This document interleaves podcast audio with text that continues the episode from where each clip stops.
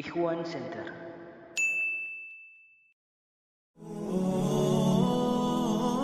لن يطول البعد عن نصر ولن نرضى بغير النور في الليل هدى. لن ننطفي أبدا لن ننتهي أملا. إنا كبرق في السماء جاء ملتهبا. Alhamdulillahi Rabbil Alamin Wabihi nasta'inu ala umuri dunya wa din Ashadu an la ilaha illallah wahdahu la syarikalah Wa ashadu anna muhammadan abduhu wa rasuluh Alladhi la nabiyya ba'dah amma ba'du Rekan-rekan pemuda Alhamdulillah Dina danget ayeuna tiasa neraskeun deui hanca urang anu tos sababaraha waktos kapengker. Jadi ada corona yang memisahkan kita. Dugikeun ka sababaraha waktos eh absennya kangge deresan Al Bukhari. Alhamdulillah kalayan takdir Allah mudah-mudahan aya dina kalancaran dina kondisi anu sehat walafiat sehingga tiasa neraskeun hanca Sahih Al Bukhari. Kangge kajian ayeuna masih Kitabul Iman kami telepat dina hadis hadis nomor 50 kami di dieu mah. Babu suali Jibrila an Nabiyya sallallahu alaihi wasallam. Bab tentang pertanyaan Malak Jibril kepada Nabi Shallallahu Alaihi Wasallam anil iman tentang iman. Wal islami tentang Islam. Wal ihsani tentang ihsan. Wa ilmi saati dan tentang kiamat. Wa bayanin Nabi Shallallahu Alaihi Wasallam dan penjelasan Nabi Shallallahu Alaihi Wasallam. Summa qala kemudian ia berkata, Ja'a Jibrilu alaihi salamu yu'allimakum yu'allimukum dinakum. Jibril alaihi salam datang untuk mengajarkan agama kepada kalian. Teta bab anu didamel ku Imam Al-Bukhari nyaeta terkait pertanyaan malaikat Jibril ka Nabi Muhammad sallallahu alaihi wasallam. Isi pertanyaan ayat tilu. Ayat kahiji iman, kedua Islam, katilu ihsan. Ditambah pertanyaan yang keempat tentang hari kiamat. Hadisna Hadatsana Musaddadun qala hadatsana Ismail bin Ibrahim akhbarana Abu Hayyana At-Taimi an Abi Zur'ata an Abi Hurairah. Hadis dari Abi Hurairah sebagai sahabat yang menerima langsung dari Nabi Shallallahu alaihi wasallam yang menceritakan mengenai pertanyaan Malak Jibril kepada Nabi. Dalam pembahasan-pembahasan sebelumnya sudah dijelaskan bahwa Abu Hurairah itu bukan nama aslinya. Nama aslinya adalah Abdurrahman bin Sakhar.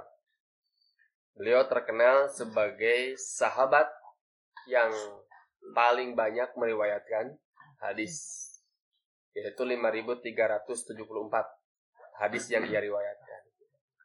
Jadi ranking kahiji sahabat terbanyak di dalam meriwayatkan hadis adalah Abu Hurairah. Padahal singkat, hanya sekitar tiga tahunan ya nyorok ke Rasul teh. Kan masuk Islam tahun 8 Hijrah. Rasul wafat tahun 11 Hijrah. Berarti seberapa tahun tah nyantri jeung Rasul? Sekitar tiga tahun ya tetapi melebihi sahabat-sahabat yang lain karena Abu Hurairah memang fokus. Kata Abu Hurairah sendiri kan, kalau orang lain kadang ke pasar, kadang ke ladang, maka Abu Hurairah bersama Rasul setiap saat. Tak tidak ada yang luput dari perhatian Abu Hurairah. Apa yang diucapkan, apa yang dilakukan Rasul. Qala Abu Hurairah berkata, "Kana Nabiyyu sallallahu alaihi wasallam barizan yauman linnas." Keadaan Nabi sallallahu alaihi wasallam pada satu waktu yang cerah menghadap orang-orang. Fa'atahu Jibrilu. Jadi Rasul menuju sasarangan jeng para sahabat. Berarti yang menyaksikan bukan seorang, bukan dua orang, tapi banyak sahabat yang menyaksikan ya, yang terjadi pada waktu itu. Fa'atahu Jibrilu. Maka datanglah malak Jibril. Abu Hurairah menerangkan seperti itu. Asalnya mah apa? Nu datang teh malaikat Jibril. Dia tahu setelah selesai perbincangan antara Nabi Muhammad sareng malaikat Jibril. Itu pun diberitahu oleh Rasul. Jadi tidak ada seorang sahabat pun yang mengetahui pada awalnya siapakah dia yang datang kepada Rasul. Jibril datang kepada beliau, fakola, lalu dia bertanya, mal iman, apa itu iman? Dan para sahabat memang di posisi bingung. Orang ini siapa? Kalau dikatakan orang ini orang yang jauh, yang menempuh perjalanan cukup panjang, tapi ninggal dedeg pangadegna rapi, tidak lusuh, seperti orang yang ada di sekitar saja. Kan biasanya perjalanan jauh mah, ya minimal acak-acakan wae rambutan. Iya mah bersih. Ari disebut orang deket, Aya apalin seorang sahabat itu tidak tahu sahaya. Gitu. Jadi para sahabat hanya mengira-ngira saja, ya kira-kira sahaya mesumping ka Rasul. Malah diterangkan kan siga anu tos akrab sumping ka Rasul langsung mendekatkan lututnya dengan lutut Rasul. Para sahabat kaget, sahaya itu. Kapinauna Rasul bareng gitu. Kalau eh, kerabat Rasul dah, anu terangkan sahabat itu. Jadi seolah-olah memang menampakkan sudah akrab dengan Rasul. Langsung mendekat kepada Rasul lalu bertanya, "Mal iman, apa itu iman?" Kola Rasul menjawab, "Al imanu antu minabillahi wa malaikatihi." Iman itu adalah beriman kepada Allah, beriman kepada malaikat-malaikatnya, beriman kepada hari pertemuan dengannya dan rasul-rasulnya, beriman dan beriman kepada hari kebangkitan. Itu jawaban Rasul. Jadi mal iman, apa itu iman? Rasul tidak menjawab takrif, tidak menjawab istilah, tidak menjawab pengertian. Kan lamun di orang iman secara bahasa adalah bla bla bla bla. Iman secara istilah bla bla bla. Tapi jawaban Rasul langsung karena inti persoalan. Hakikat iman itu adalah iman ke Allah, iman kepada para malaikatnya, iman kepada hari pertemuan dengan Allah, beriman kepada rasul-rasulnya, beriman kepada hari bangkit. Karena memang itulah inti persoalan tentang terkait keimanan.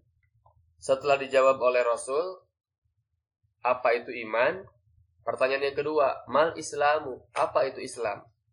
Kala Rasul menjawab, al islamu an ta'budallaha. Islam itu adalah beribadah kepada Allah wala tusyrika bihi tidak menyekutukannya wa tuqimas salata dan mendirikan salat wa tuaddiyaz zakatal mafruḍah mengeluarkan zakat yang hukumnya wajib wa tasuma ramadhana dan saum Ramadan. Sama, Rasul tidak menjawab secara pengertian. Islam adalah diambil dari kalimat bla bla bla bla tidak. Tapi langsung karena pokok persoalan.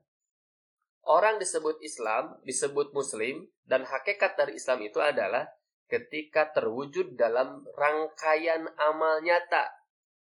Nyata, ibadah kepada Allah, tidak musyrik, mendirikan sholat, mengeluarkan zakat, saum Ramadan, kan. Maka dari dua penjelasan, Rasulullah hendak menjelaskan bahwa persoalan iman itu persoalan proses sebuah nilai keyakinan. Nah, proses nilai keyakinan ini harus diwujudkan dalam bentuk tataran amal, amal nyata. Maka inilah yang digambarkan oleh Rasul ketika menjawab mal Islam. Artinya tidak bisa orang disebut bertauhid. Dengan sebenar-benarnya tauhid ketika hanya meyakini Tuhan adalah Allah. Yang mengurus Allah, yang menciptakan Allah, yang memberi rezeki Allah. Maka tidak bisa secara otomatis orang tersebut disebut bertauhid. Maka di nah, pelajaran pesantren kayaknya pan tauhid ayat tauhid nang rububiyah, tauhid uluhiyah, tauhid asma wa sifat. Ini bukan pilihan. Bukan pilihan. Ketika orang punya tauhid rububiyah, wah ya cukuplah dari semoga tauhid. Disebut tauhid rububiyah tidak. Gitu. Tapi itu harus menjadi satu kesatuan antara rububiyah, uluhiyah, dan asma wa sifat kan. Hanya rububiyah itu sebagai dasar awal.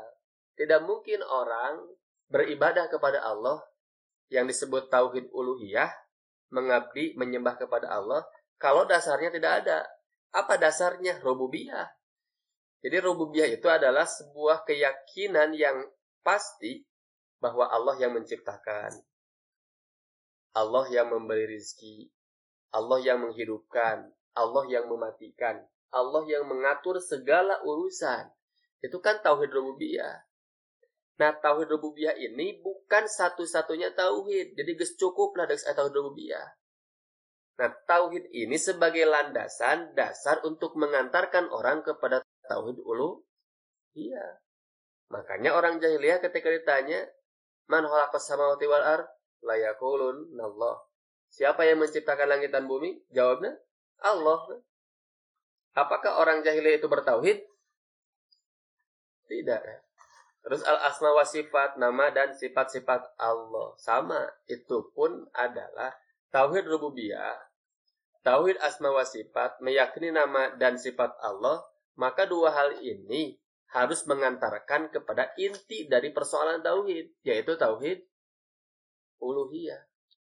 Tidak hanya sebatas yakin non ayat al asmaul husna 99 nama Allah yang istimewa yang bagus.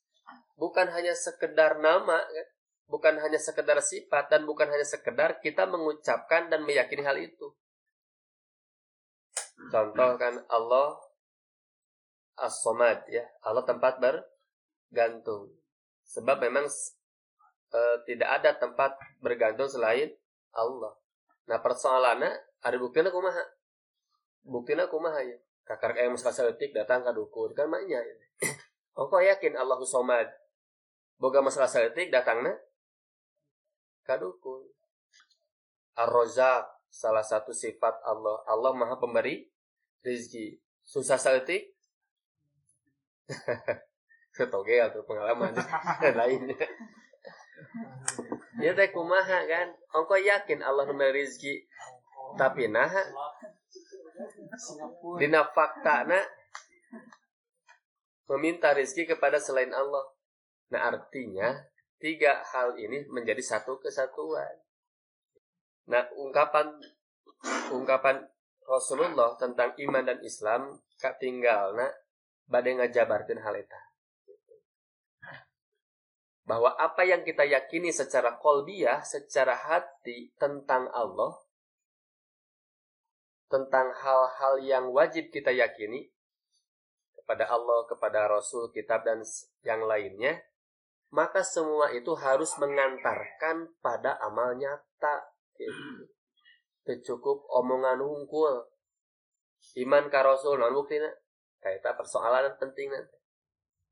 Maka ini dijawab dalam bentuk jawaban Rasul al-Islamu huwa anta'budallaha. Islam itu adalah beribadah kepada Allah. Itu bukti konkret ketika kita beriman kepada Allah, Rasul dan yang lainnya. Jawaban Rasul sederhana kan? Sampai sini sederhana kan? Seolah-olah. Apa itu Islam? Beribadah kepada Allah. Ya, orang kan ibadah. Itu musyrik deh. Terus mendirikan sholat dikeruyuh kayak kurang lebih keayatannya. Sampai sekarang kita mengerjakan sholat. Waktu adiyah zakat al mafrudoh. ngeluarkan zakat, tapi kan kaidah kita mengeluarkan zakat yang wajib dikeluarkan. Saum Ramadan kita lakukan. Maka ada sahabat yang bertanya, Rasul, kalau saya mengerjakan hal itu, saya ke surga? Itu. Kata Rasul, nah, ke surga. Berarti amalan-amalan ini sebagai landasan awal, dasar, saya yakin kan orang bakal ke surga. Cuma jawaban Rasul kan. Ya Rasul mun abdi ngalaksanakeun eta salat, zakat, puasa yang yang disebut dengan rukun Islam, apakah saya akan ke surga? Jadi minta jaminan meh regreg ke sahabat Kata Rasul, "Na'am, nya bakal ke surga." Bakal ke surga. Dan persoalannya surga anu mana? Kata Allah Tingkatan surga anu mana? Hanya dengan rukun Islam yang ini sebagai pokok sudah cukup mengantarkan kita ke surga. Tapi nanti kita berbicara level kan.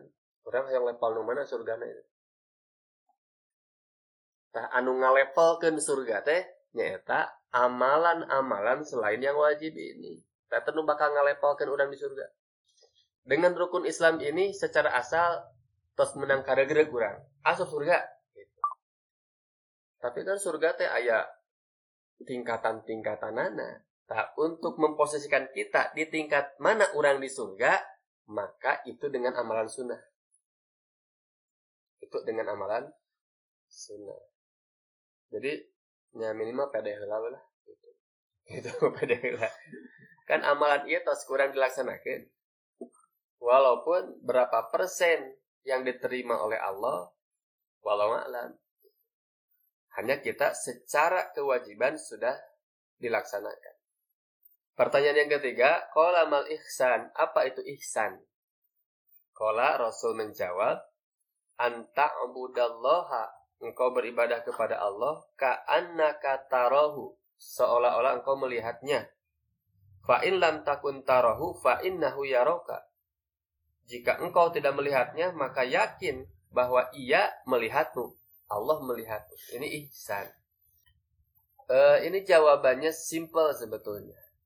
Tapi mempunyai kedalaman makna yang luar biasa. Berarti ihsan itu mencakup setiap wujud amal manusia. Apakah itu ibadah, apakah itu muamalah. Hanya baik ibadah atau muamalah terkonsep dengan jelas anta budallaha ka'annaka tarahu fa ilam takun tarahu. Sebab kalimat itu sudah menjadi sebuah sistem keyakinan orang, kita yakin bahwa e, seolah-olah ketika kita beribadah, ketika kita beraktivitas, kita yakin bahwa Allah itu melihat kita. Seolah-olah amal kita dilihat oleh Allah. Kalaupun tidak melihat, yakin Allah melihat kita. Maka ihsan itu sebagai itkon, penguat dan penyempurna setiap ibadah dan wujud amal manusia. Setiap langkah manusia maka terpikirkan bahwa langkah ini dilihat oleh Allah. Setiap aktivitas yang kita lakukan seolah-olah kita melihat Allah maka akan terbangun sebuah keapikan gitu. Apik dengan ibadah, apik dengan muamalah, sebab yakin setiap gerak dan langkah kita didinya ya Allah. Kata ihsan, konsep ihsan. Maka kesempurnaan sebuah wujud ibadah dan amal adalah dengan ihsan. Maka Rasul eh, memberikan jawaban dengan sederhana tapi maknanya cukup dalam. Yang disebut ihsan itu adalah beribadah kepada Allah seolah-olah engkau melihatnya. Jika tidak melihatnya, maka yakin Allah akan melihatnya. Allah pasti melihatnya. Lamun keyakinan eta tos wujud dan jadi akidah, benar mau ibadah gitu. Mau luak liuk, mankir salat lagi meluak lihat ke karena ini pan teh mayun ke Allah Allah pasti melihat kita dan kita yakin Rek ngalakukan haram, eh, ya Allah. seolah-olah diperhatikan ku Allah gambaran CCTV mereka di dunia mahnya rek nyen kajahatan aduh kayak CCTV padahal sayang yang nyen kajahatan teh. Kan eta CCTV bahaya kudunungan itu sampai jadi eh, pangrem dari kebebasan nafsu manusia. Itu konsep ihsan. Maka dibahasakan bahwa ihsan itu adalah kebaikan yang lebih. Ihsan itu kebaikan yang lebih ya. contoh kita kan misalkan saum an wajib saum Ramadan ya. Kalau kita melakukan saum Ramadan, ya itu kan memang kewajiban ya. Tapi selain Ramadan, orang tes saum Senin Kemis, saum Ayamul di komo saum Daud, maka kita it, amalan itu disebut ihsan. Ihsan. Karena lebih dari kadar kewajiban zakat teh wajibna 100 ribu. Iya ayah harta lewi ah rek ditambahan wes 150 lain bid'ah eta mah. Bid'ah ternyata nambahan. Alus ternyata ihsan ngaranna berbuat baik kepada orang tua kenapa disebut diungkapkan dengan ihsannya wabil walidaini ihsanan. Kenapa? Karena kebaikan kepada orang tua harus lebih. Tong biasa-biasa harus lebih matak ungkapana wabil walidaini ihsana matak tadi disebut ihsan merek cenah kakolot teh naon merek zakat bukan persoalan boleh dan tidak boleh. Namun memang yakin kolotna sorangan teh mustahik gitu ku orang dibere tina artos zakat sah tuh zakatnya sah selama betul itu adalah mustahil kan persoalan cik atuh gitu kakolot. Mapan kudu ihsan. Kakolot ting mencuri zakat. Dari zakat merek ke kakolot wajib kan? Keluarkan maka tidak layak saja. Bukan berbicara sah dan tidak sah tapi itu pantas. Sebab wabil walida ini ihsanan. Kata harus lebih. Maka kata para ulama bahwa al-ihsan itu adalah sebagai itkon penguat itkon penguat dari ibadah dan amal yang dilakukan. Terus pertanyaan keempat, kola mata sa'ah, kapan terjadinya hari kiamat? Kola Rasul menjawab, mal mas'ul anha bi'a'lama minasail. Yang ditanya tidaklah lebih tahu daripada yang bertanya. Sarwa te apal? Nunanya te apal, nu ditanya te apal, iraha kiamat. Tapi sahur Rasul, wasa ukhbiruka an ashratiha. Tapi saya akan khobarkan kepadamu tentang tanda-tandanya. Nah, ketika Rasul menjawab pertanyaan itu, Rasul belum tahu itu malaikat. Belum tahu. Tidak mengenalkan diri terlebih dahulu. Berarti malaikat pada waktu itu berwujud seperti manusia. Dalam lamun berwujud malaikat asli mah atau genjeleng sahabat. Gitu. justru penampilannya menarik bajunya bersih. Seolah-olah bukan orang yang jauh berarti kan gambarnya manusia utuh. Tak tidak ada para sahabat berpikiran itu malaikat. Dan memang tidak penampilan tos gambar itu manusia. Karena ini pertanyaan oleh Rasul dijawab Wasaukhbiruka an asyratiha. Aku akan khobarkan kepadamu tentang tanda-tandanya saja. Hari iraha kiamat nanti apa, nunanya nanti apa, nuritanya nanti apa. Tapi tanda-tanda nama saya akan beritahukan. Yang pertama, idza waladatil amatu rabbaha apabila hamba sahaya melahirkan anak majikannya. Upami meninggal uh, syarah hadis memang ada beberapa pendapat gitu. Seorang hamba sahaya budak melahirkan anak majikannya. Ayat beberapa pengertian nu di nu diungkap para ulama di antawisna uh, seorang hamba sahaya digauli oleh majikannya, oleh tuannya sampai melahirkan. Kan status anak yang mela yang dilahirkannya itu merdeka kan bukan hamba sahaya. Tapi hamba sahaya nu digauli nama anger we hamba sahaya. Maka ketika dewasa si anak itu dia memiliki budak saha budakna indung. Indungan geus ngalairkeun itu kejemna proses perbudakan baheula lagi atau pengertian yang lain sama prosesnya bahwa hamba sahaya digauli oleh tuannya, lalu lahirlah anak. Nah, setelah punya anak, kan anaknya merdeka. Nah, si hamba kepunyaannya dijual ke batur. Nah, hamba sahaya mah barang kan. Gambaran anak dijual. Nah, ketika si anaknya sudah dewasa, dibeli tak budakna. Si hamba saya itu jadi milik budakna hamba saya itu teh nu padahal ngalahirkan anu yang melahirkan dirinya. Pendapat yang lainnya dan ini pendapat yang kata Ibnu Hajar ini pendapat yang lebih pas gitu. Yaitu di mana tanda akhir zaman atau tanda-tanda kiamat itu ketika seorang anak berlaga seperti majikan kepada ibunya sendiri. Jadi ibunya sendiri yang melahirkan seperti eh, hamba sahaya atau seperti babu bagi anaknya sendiri. Bahwa alam air terus kejadian kan. Korban sinetron. Artinya berbicara tentang moral kan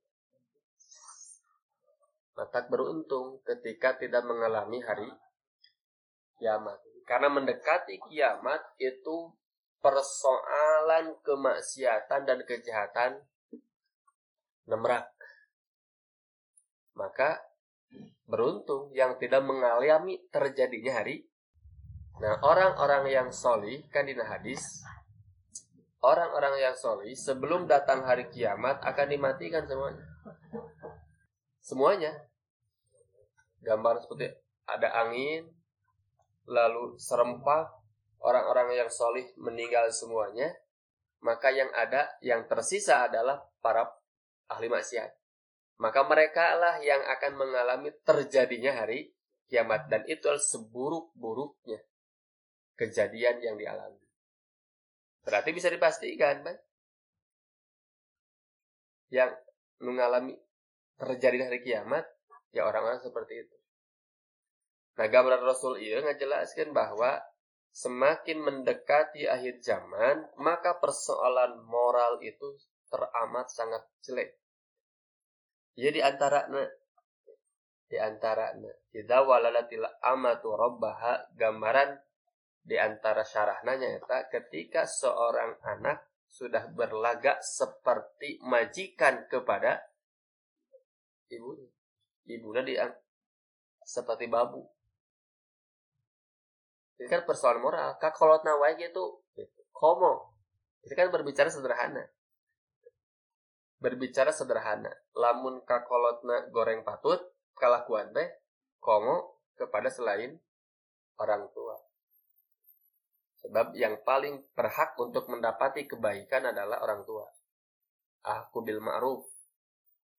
Kak lamun kakolot nak wae tos doraka model gitunya kamu kepada yang lain. Yang kedua yang disebutkan oleh Rasul wa idza tatawala ru'atul ibil al buhmu fil bunyan. Apabila para pengembala kambing yang hitam berlomba-lomba saling bermegah-megahan di dalam bangunan paluhur-luhur bangunan. Pengembala kambing yang hitam. Ayah oge anu ungkapkan eh, yang memberikan gambaran bahwa seseorang anu asalnya pengembala kambing nu hideung secara status sosial sangat rendah maka pada waktu itu dia akan menjadi orang yang bermegah-megah dengan kekayaan. Di antara paluhur-luhur bangunan, dia gambarkan sebuah kemegahan. Artinya mungkin di akhir zaman itu secara perekonomian itu luar biasa maju. Secara perekonomian itu luar biasa maju. Nah, ungkapan yang digambarkan Rasul adalah tatawala, saling ber eh, paluhur-luhur bangunan. Kan ketika Rasul bersabda seperti ini, belum ada bangunan menjarangkung. Tajan ayah kan? Bangunan ya standar di padang pasir, di tengah padang pasir ya bangunan standar. Tapi Rasul menggambarkan pengembala kambing atau unta hitam hartanya secara status sosialnya rendah. Tapi satu saat justru mereka yang bergelimang harta sampai bermegah-megahan. Sampai pajangkung-jangkung bangunan itu.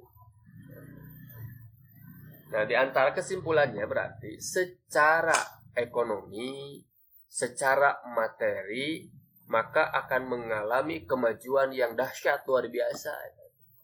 Tapi secara moral, bobroknya luar biasa. Itu tanda akhir zaman. Bahkan di riwayat muslimah, ayat ungkapan,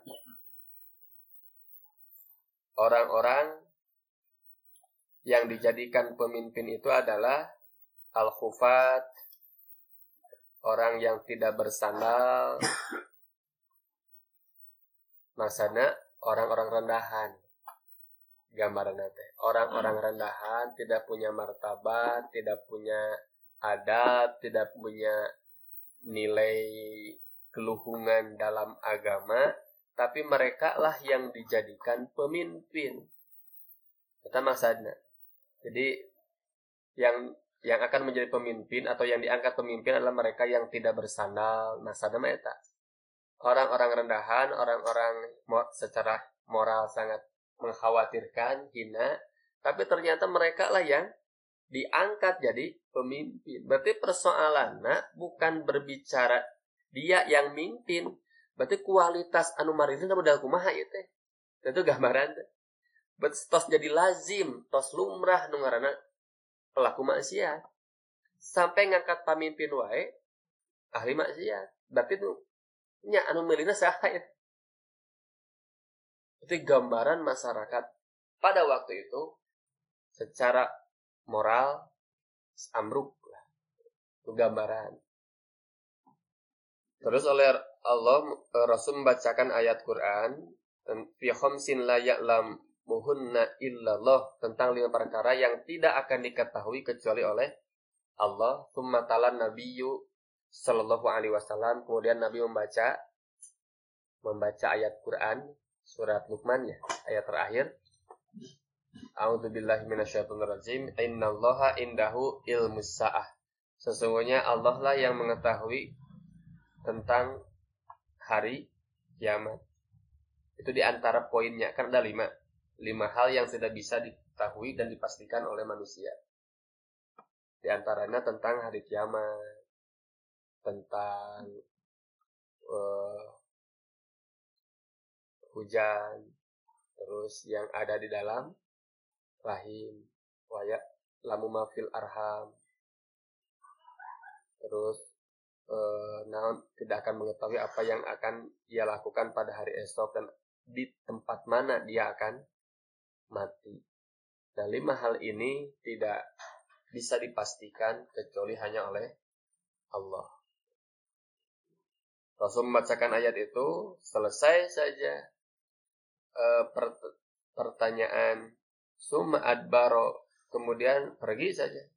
Orang yang datang kepada Rasul tadi teh berarti tidak mem, dari awal sampai akhir tidak memperkenalkan identitas dirinya. Fakola kata Rasul kepada para sahabat, rudduhu cik susulan. Itu berarti kan Rasul kita apa? Rudduhu susulan. Gerowan atau panggil. Falam ya syai'an. Tapi mereka tidak melihat tapak nawa itu ayat. Dua mau jual sebut juri tapakan. Itu ayat tapak-tapak aja sudah menghilang, tidak ada. Nah, barulah Rasul mengatakan, Hada Jibrilu, ini adalah Jibril. Nabi datang ke Jibril. ja'a yu'allimun nasa dinahum. Ia mengajarkan manusia mengenai agama. Qala Abu Abdullah, kata Abu Abdullah, ja'ala dzalika kullahum iman. Maka ia menjadikan seluruhnya itu adalah bagian dari iman. Berarti yang disebut tadi itu adalah satu kesatuan yang utuh yang harus ada pada diri seorang muslim. Tidak bisa dipisah-pisah. Tentang iman, tentang Islam, tentang kiamat, ini harus menjadi satu kesatuan yang utuh dalam kehidupan. Yakin kiamatnya terjadi harus yakin kan. Tapi persoalannya keyakinan eta sejauh mana berpengaruh dalam amal. Katakan di persoalan teh. Seperti yakinnya kita akan mati, yakin. Yakin pisan, habut yakin pisan. Hari kiamat macam pernah kejadian. Hari maut mah pernah kesaksian. yakin pisan. Tapi persoalannya sejauh mana keyakinan itu berefek pada amal. Makanya apa yang diungkap tadi itu harus menjadi satu kesatuan. Tidak bisa dipisah-pisahkan. Ketika iman kepada hari akhir berarti harus ter menjadi pengaruh besar dalam kehidupan. Jadi amal urang teh ngagamarkeun keyakinan karena poe akhir. Amal urang teh ngayakinkeun karena yen urang teh bakal mau. Itu adalah hal yang harus menjadi satu kesatuan dalam kehidupan. Maka di bab yang diberikan oleh Imam Al-Bukhari, babu su'ali Jibril, beliau mengutip ayat, "Wa may yabtaghi islami dinan fala yuqbala minhu."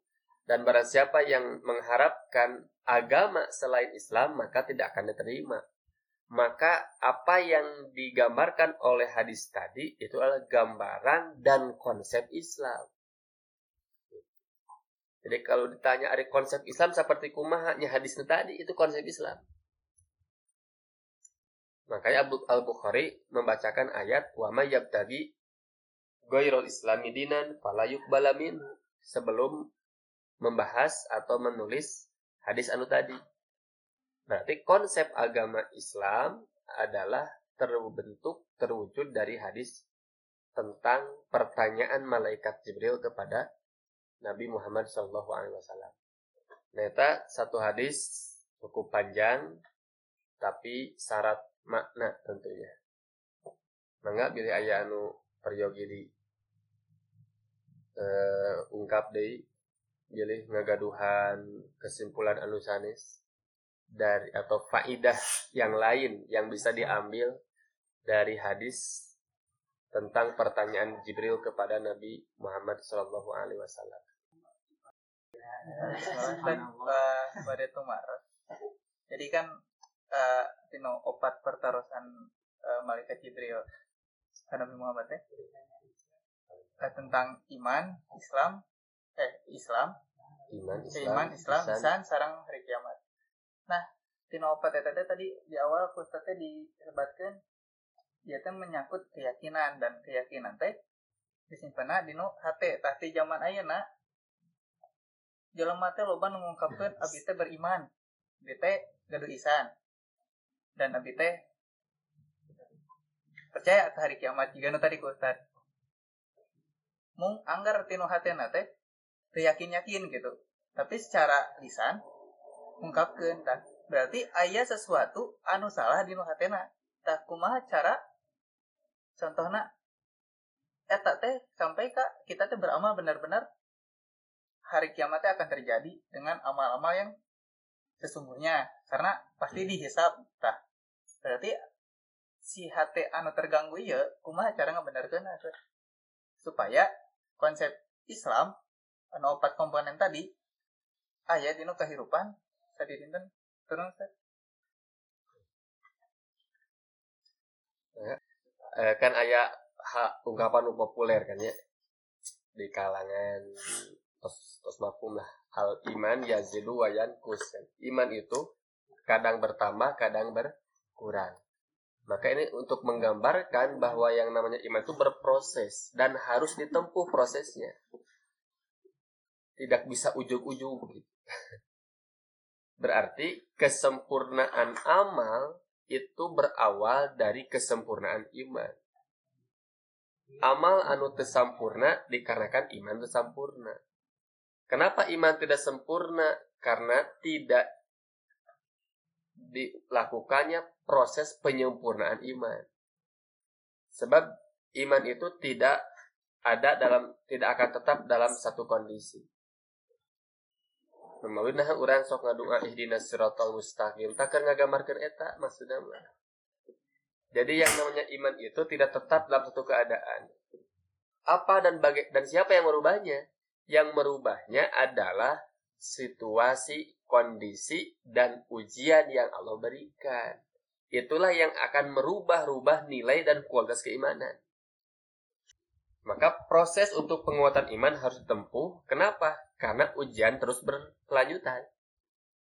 Nu teu saimbang teh ari ujian ku Allah terus diberikan. Ari proses penyempurnaan iman tidak tempuh. Atau engke iya anu nyababkeun bakal persoalan. Pan sakola oge diajar heula kan. Diajar heula. Kadang kahartina mah sebar sakola atau persoalan yang terjadi yang diungkap di kersakola kakare kejadian bersakola kan nah gambaran proses iman itu seperti itu. Seperti kayak gambaran sederhana. Kan orang teh minang lah usah nerangkeun ya. Yen eh sing saha anu infak ku Allah baris digentian sing saha anu infak ku Allah baris dilipat gandakeun eta teh ungkapan eta teh sering kita dengar. Seolah-olah udah kamar gitu nerangkeun usah eta enak nerangkeun deh gitu oh gak bosan. Sampai kita pun hampir bosan mendengarkan tentang keutamaan sodako apakah itu mubadir? Tidak. Karena satu saat kita mungkin akan diuji oleh Allah terkait harta. Kakara mungkin pengajaran-pengajaran anu urang bah lagi bosan teh bisa didinya tah bisa nguatan eta. Nah, tah proses kesempurnaan iman berarti tidak akan lepas dari ilmu. Dasami kan ilmu ke karasana mau langsung. Tapi ketika Allah menetapkan satu ujian kepada kita, nah minimal orang tos kuat, tos seseg. Kenapa? Karena proses-proses untuk kesempurnaan iman sudah kita lalui. Namanya proses mah tidak boleh terhenti. Gitu. Tong nugikeun ka wadah ngaji bismillah geus dianggap jago geus ayeuna geus beres lah ngaji ya geus tuntas selamat gitu itu biasa kenapa karena ujian tiap saat gitu hari ujian tiap saat hari proses untuk kesembuhan iman setiap saat kan mau seimbang ya. jadi tidak perlu bosan. Kamu protes ke ustad mah. Nggak jumaah yang nerangkan sodako ya udah bosan. Sampai orang nggak bosan dengan justru justru bisa jadi. Nu eta teh akumulasi dina otak bawah sadar urang ngeunaan impaknya seperti itu justru eta nu bakal nguatan urang di hiji saat. Karena diulang-ulang